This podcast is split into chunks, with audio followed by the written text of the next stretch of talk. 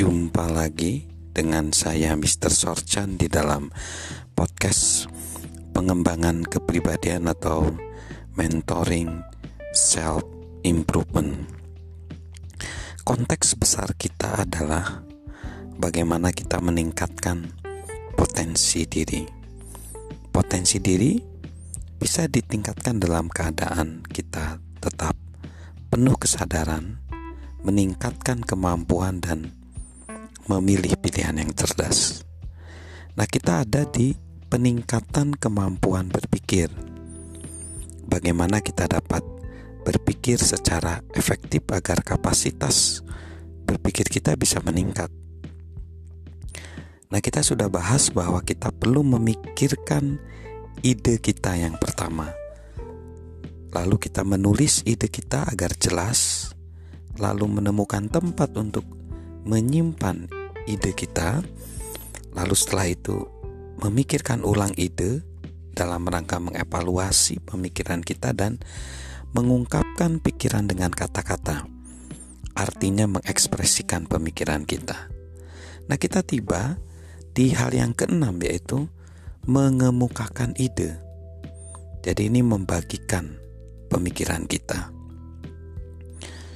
Kita perlu ya mendorong mendorong untuk kita membagikan pikiran kita dengan orang lain untuk membawa pemikiran ini ke tingkatan yang lebih tinggi. Untuk melakukan itu ada beberapa langkah. Yang pertama, berikanlah ide bagus.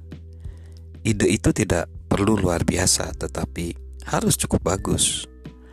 Lalu bagikan hasrat kita dengan orang lain untuk memperbaiki ide kita. Keinginan kita untuk mendapatkan ide yang lebih baik harus lebih kuat daripada keinginan dipuji sebagai pencetus ide minta semua orang berpartisipasi. Orang-orang harus tahu bahwa mereka perlu terlibat atau tidak sama sekali. Ajukan pertanyaan. Tidak ada yang lebih menstimulasi ide daripada pertanyaan. Biarkan ide terbaik menang. Karena ide terbaik menang, kita menang. Ketika kita membagikan ide bagus kepada sekelompok kecil pemikir unggul, mereka akan selalu membuat gagasan kita lebih bagus. Pastikan saja kita mengajak para pemikir bagus. Seperti yang dikatakan seorang bernama Linda Kaplan. Pastikan Anda punya setidaknya satu orang yang bisa mengenali gagasan bagus. Lakukan itu, dan Anda akan selalu mendapat gagasan yang lebih bagus. Jadi, kemukakan ide, lalu praktekkan ide, sebarluaskan pemikiran kita. Begitu sebuah gagasan telah dibagikan dengan sejumlah orang dan diperbaiki, ini waktunya untuk mengeluarkan gagasan dan membiarkan lebih banyak orang melihatnya. Anggap seperti mengajak anjing jalan-jalan di taman. Orang lain bisa melihat, bereaksi, dan memberi komentar.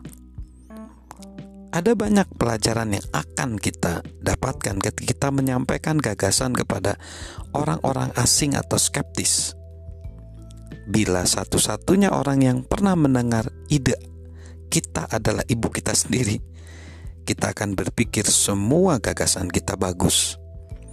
Sampaikan gagasan itu kepada orang asing dan orang yang skeptis. Kita akan tahu pendapat mereka sesungguhnya tentang ide kita. Lebih mudah memikirkan sebuah gagasan daripada mempraktekannya sebuah gagasan selalu terdengar lebih baik ketika belum diuji.